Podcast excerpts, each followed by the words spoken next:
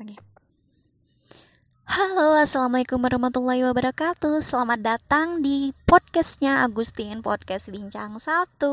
Well, teman-teman ini udah beberapa bulan ya aku nggak say hi gitu sama kalian. Tapi meskipun aku nggak say hi, aku selalu berdoa yang terbaik buat kita semua. Semoga kalian diberikan nikmat kesehatan, nikmat iman dalam menghadapi kondisi-kondisi yang sulit seperti ini ya. Nih kondisi pandemi COVID-19 ini.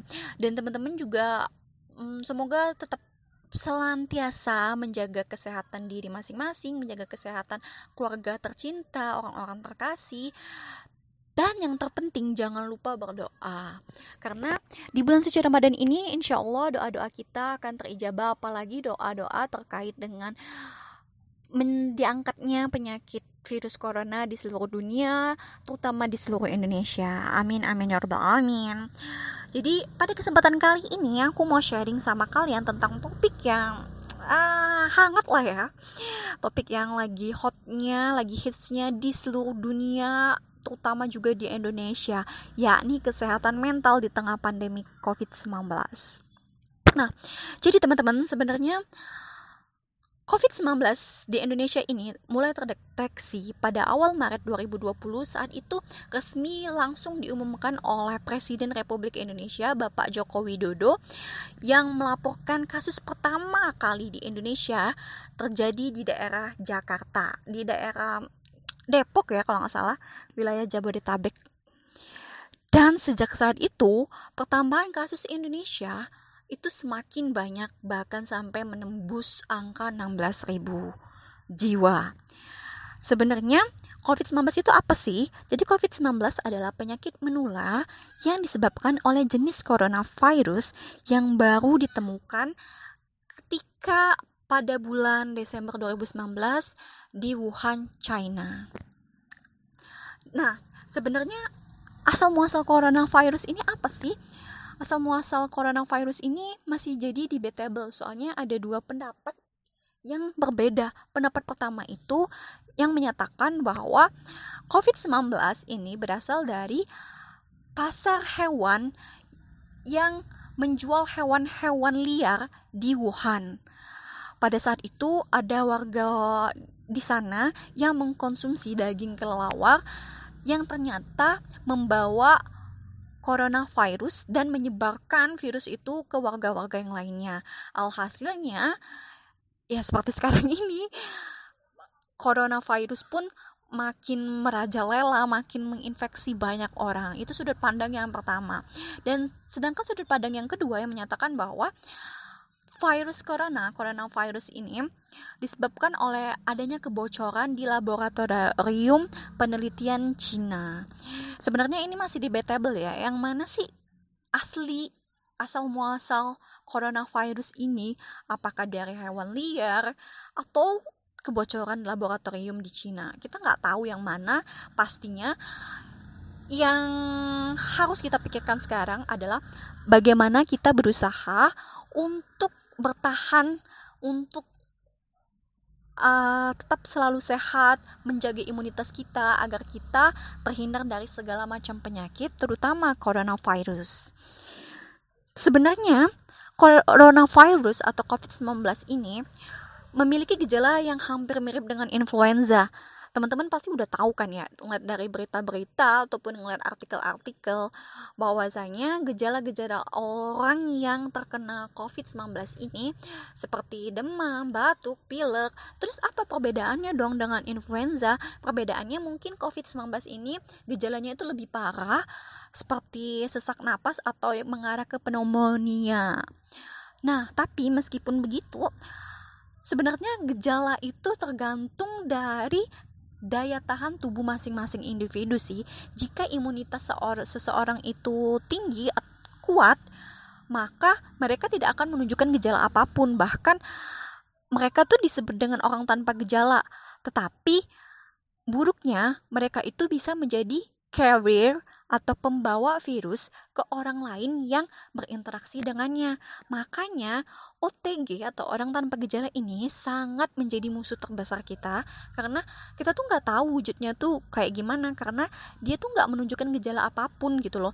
Kelihatannya sehat tapi ternyata ketika kita kontak sama dia kita akan tertular. Apalagi untuk orang yang imunnya rendah maka akan mudah sekali tertular coronavirus ini untuk orang yang imunnya rendah, mereka pasti akan langsung menunjukkan gejala-gejala seperti demam, batuk, pilek, sesak napas, bahkan ada juga yang sampai uh, merasa apa ya sakit seluruh tubuhnya sendi-sendinya tuh merasa kesakitan gitu.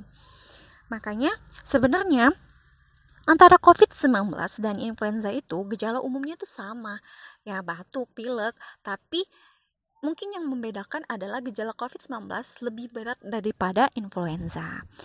Nah, terus uh, di tengah pandemi COVID-19 ini, kita tuh dituntut untuk meningkatkan imunitas kita, meningkatkan daya tahan tubuh kita, yang mana imunitas ini ada kaitannya dengan kesehatan mental.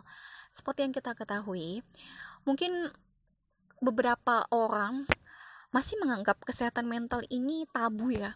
Dengan kata lain, mereka masih menganggap kesehatan mental itu uh, ketika orang punya penyakit mental, mereka berpendapat mereka itu kurang iman atau bahkan kerasukan setan.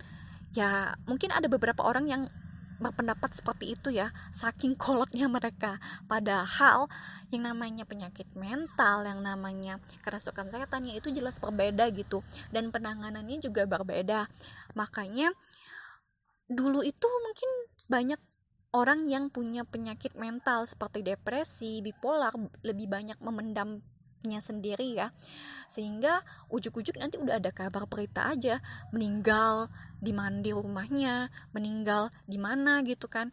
Makanya ini yang harus kita jadi perhatikan gitu loh karena kesehatan mental itu sangat penting kesehatan mental itu harus menjadi aware kita buat teman-teman yang mungkin punya gangguan kecemasan atau panic attack nah menghadapi pandemi COVID-19 ini mungkin agak kewalahan ya karena tanpa adanya COVID-19 aja mereka sering cemas, sering takut gitu apalagi ditambah adanya wabah COVID-19 ini ya. Tapi uh, di sinilah peran orang-orang di sekeliling mereka gitu loh. Maksudnya apa? Kita sebagai sesama makhluk sosial setidaknya harus lebih peka, lebih empati dengan lingkungan sekitar kita apabila ada teman-teman kita yang memiliki gejala-gejala mengarah ke penyakit mental, dirangkul mereka, ajak mereka ngomong meskipun mereka tuh susah untuk diungkapkan ya mereka susah untuk mengungkapkan perasaan mereka mengungkapkan masalah mereka tapi dengan kalian berada di sisi mereka itu udah membuat mereka tenang gitu. Sekarang alhamdulillah walaupun dulu itu kayak masih tabu ya terkait dengan kesehatan mental sekarang itu alhamdulillahnya semakin banyak orang yang aware sama kesehatan mental meskipun banyak juga yang semakin speak up tentang mereka punya penyakit mental gitu. Tapi setidaknya dengan banyak orang yang speak up tentang penyakit mental ada makin banyak orang juga yang peduli dengan kesehatan mental. Banyak juga orang yang merangkul teman-temannya yang punya penyakit mental. Nah kenapa sih penting banget kesehatan mental itu kita pelihara di tengah pandemi COVID-19 tadi itu ada kaitannya dengan imunitas kita ketika. Nah, gimana sih tips-tips untuk menjaga kesehatan mental di tengah pandemi COVID-19 mungkin ini aku sebatas sharing aja ya bukan maksud untuk menggurui. Aku dapat tips-tipsnya ini juga dari webinar-webinar yang aku ikuti dari tulisan-tulisan yang aku baca. Semoga ini bisa menjadi reminder bagi kita semua bahwa kita itu menghadapi sebuah seseorang. Sebuah atau seseorang sih nggak tahu ya. Menghadapi sesuatu yang tak kasat mata gitu loh bagaimana sih cara menghadapi tak kasat mata itu? Ya dengan cara tetap berpikir rasional. Adapun tips-tipsnya itu ya nih yang pertama membatasi informasi yang berlebihan. Nah, semakin pesatnya sosial media itu rentan sekali menimbulkan apa ya penyaringan akan berita-berita itu semakin susah gitu percaya deh semakin banyaknya platform yang menyediakan berbagai informasi kita tuh semakin kewalahan yang mana sih informasi yang seharusnya kita terima ya enggak sih? Bahkan kita tuh sampai bingung ada informasi A masuk informasi B masuk lalu yang mana nih yang benar? Sedangkan dua-duanya tuh bertolak belakang kan? Oleh sebab itu kita harus sebisa mungkin untuk memilah-milah informasi yang masuk ke dalam ke dalam sosial media kita gitu karena itu bakal pengaruh ke diri kita. Nah, caranya bagaimana membatasinya itu? Caranya adalah hanya cek berita-berita yang sumbernya itu jelas. Jangan cek berita yang nggak jelas gitu, yang sumbernya nggak jelas. Meskipun teman-teman tetap berusaha, meskipun apa ya, kayak temen tuh teman-teman tuh takut mendengar informasi tapi teman-teman tuh pengen dirinya tenang dengan melihat berita terkait dengan perkembangan situs perkembangan corona perkembangan covid-19 ya. Teman-teman nggak apa-apa gitu kalau mau ngecek sekali-kali lewat situs covid19.go.id terkait dengan perkembangan covid-19 di Indonesia. Tapi teman-teman harus lihat situsnya itu situs yang resmi jangan situs yang abal-abal. Apalagi teman-teman berusaha mencari informasi lewat situs misalnya kayak WA grup keluarga lah ya misalnya ya. Nah WA grup keluarga tuh rentan banget sih timbulnya berbagai macam hoax. Maka dari itu di sini ditekankan bahwa teman-teman harus bisa memilih sosial media mana sih yang kira-kira membawa pengaruh buruk kira-kira yang membawa pengaruh atau informasi hoax, informasi negatif. Ketika teman-teman tahu sosial media yang membawa hoax-hoax itu apa, teman-teman bisa batasi saat itu juga. Kemudian yang kedua, lakukanlah hal-hal yang positif. Nah, hal-hal yang positif ini sebenarnya banyak sih yang bisa kita lakukan ketika kita di rumah aja meskipun ya kita tuh udah bosen dengan kegiatan kerjaan kantor kita ya teman-teman cobalah cari kegiatan-kegiatan positif lainnya. Pasti teman-teman bakal merasa bosen juga kalau cuman ngerjain kerjaan kantor. Makanya lakukan hal-hal yang menjadi hobi atau passion teman-teman. Misalnya masak, kemudian berkebun atau juga bikin konten YouTube, konten podcast atau apa pun itu yang bikin teman-teman bahagia. Karena semakin kita bahagia itu semakin apa ya imunitas kita tuh pengaruh banget semakin kuat imunitas kita gitu loh makanya lakukanlah hal-hal yang positif kemudian yang ketiga jaga kesehatan dengan yang baik Nah, jaga kesehatan dengan yang baik itu seperti apa sih ya teman-teman? Makan vita, makan dan minum vitamin, makan sayuran, makan buah-buahan, minum susu, contohnya seperti itu ya. Pokoknya teman-teman harus jaga diri teman-teman dengan baik, jaga kesehatan keluarga teman-teman juga. Nah, terus bagaimana sih untuk kalian yang berada di perantauan, bagaimana caranya menjaga kesehatan orang tua kalian saat kondisinya sedang jauh kayak gini? Mudah banget sih sebenarnya. Ya, kalian cukup dengan menanyakan kabar orang tua, memberitahukan kabar kalian juga, itu ada sebuah bentuk apa ya? perhatian meskipun kecil itu akan membuat keluarga kalian di kampung halaman apalagi orang tua itu bakal seneng gitu loh. Ini pengalaman aku pribadi waktu aku jadi mahasiswa perantauan ya. Kabar sekecil apa pun pertanyaan kayak bu lagi apa? Apa kabar? Sudah makan belum? Vitaminnya sudah dimakan belum? Itu bakal bikin mereka seneng gitu loh ya walaupun sekedar 5 menit 10 menit seenggaknya tanyakan kabar mereka kalau kalian udah membuat apa ya hari-hari mereka positif insya Allah mereka tuh bakal lebih senang menjalani hari-hari mereka dan itu bakal berdampak banget ke imunitas mereka. Makanya perlu banget untuk diperhatikan kondisi kesehatan bukan cuma kalian tapi keluarga-keluarga kalian juga. Kemudian tips yang keempat adalah keep communicating. Ini ada kaitannya juga dengan poin yang ketiga ya keep communicating nggak cuman ke keluarga kita nggak cuman ke orang tua tetapi juga ke teman-teman kita ke circle kita, rekan kerja kita. Kalau sempat tanyakan kabar mereka lewat IG story ya juga nggak apa-apa, komen-komen. Eh apa kabar lo? Gimana di sana aman nggak? Ya cuma sekadar kayak gitu aja tuh udah bikin orang lain seneng gitu loh ya walaupun kita nggak bisa melakukan apa pun gitu kan ya setidaknya membuat orang lain senang dengan hadir ke mereka menanyakan kabar mereka mereka pasti senang. Makanya walaupun kita dalam kondisi social distancing physical distancing tetaplah jaga silaturahmi ke siapa pun itu. Ya kita tidak tahu kan gimana nanti ke depannya. Oleh sebab itu maka tetap jagalah silaturahmi di kondisi apa pun meskipun kita tidak bisa ketemu face to face setidaknya kita bisa saling bertukar kabar.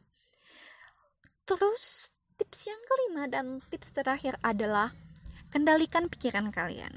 Yeah.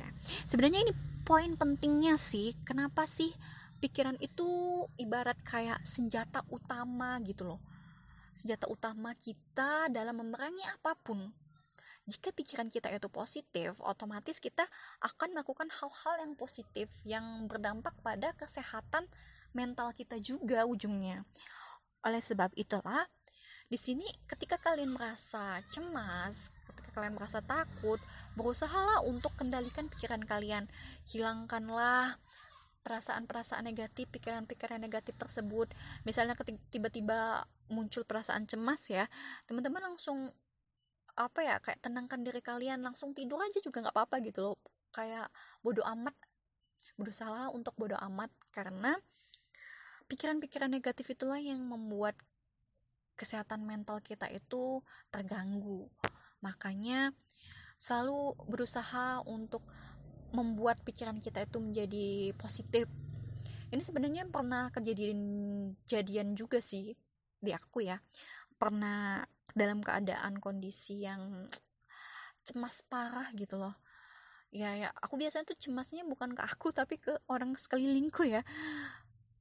Oleh sebab itulah aku tuh kayak bahkan sampai susah tidur sesak napas gitu. Nah di sinilah aku mulai kayak merenung gitu. Ada momen di mana aku berusaha untuk merenung.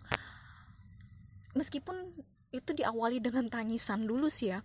Karena apa ya mungkin kalau kalian merasa nangis itu bisa melegakan kalian ya nggak apa-apa nangis aja gitu loh. Tapi setelah itu coba kalian pikirkan lagi renungkan apa yang telah kalian lakukan renungkan bawalah pikiran kalian ke kondisi-kondisi yang positif. Ya habis itu kalian bakal merasa tenang gitu loh. Dan tak lain juga kenapa sih aku bisa mengendalikan pikiranku itu juga dibantu oleh teman-temanku gitu. Orang-orang terdekatku itu benar-benar support aku. Makanya aku saat ini alhamdulillah sedikit demi sedikit udah bisa mengendalikan pikiranku juga. Meskipun ya ada drama-dramanya sedikit lah. Mungkin bagi teman-teman yang dekat denganku dia tahu banget gimana aku paniknya aku gimana cemasnya aku. Alhamdulillah sekarang udah bisa kontrol dikit sedikit demi sedikit. Ya ya kira-kira seperti itulah. Jadi itulah tips yang bisa aku sharing ke kalian. Yang paling penting aku mau kasih tahu ke kalian adalah tetap bahagia. Tetap bahagia lakukan hal-hal yang positif yang bisa kalian lakukan apa pun itu. Baik itu sekecil apa pun misalnya kayak bersihin kamar kayak atau nyusun nyusun buku ya nggak apa-apa. Yang penting itu udah bikin apa ya udah bikin kalian teralihkan fokusnya untuk hal-hal yang negatif untuk pandemi COVID-19 ini terutamanya. Tadi tetap bahagia dan jangan lupa jaga kesehatan diri jaga kesehatan orang-orang terkasih serta jangan lupa berdoa. Itu yang paling penting.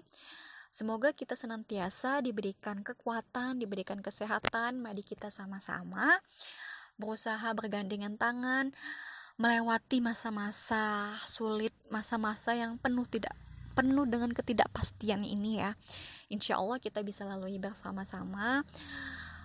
uh, mungkin dari aku itu aja sih ya sharing kali ini nantikan lagi sharing-sharing di berikutnya di episode berikutnya bersama Agustin di podcast Bincang Sabtu. Bye bye. Assalamualaikum warahmatullahi wabarakatuh.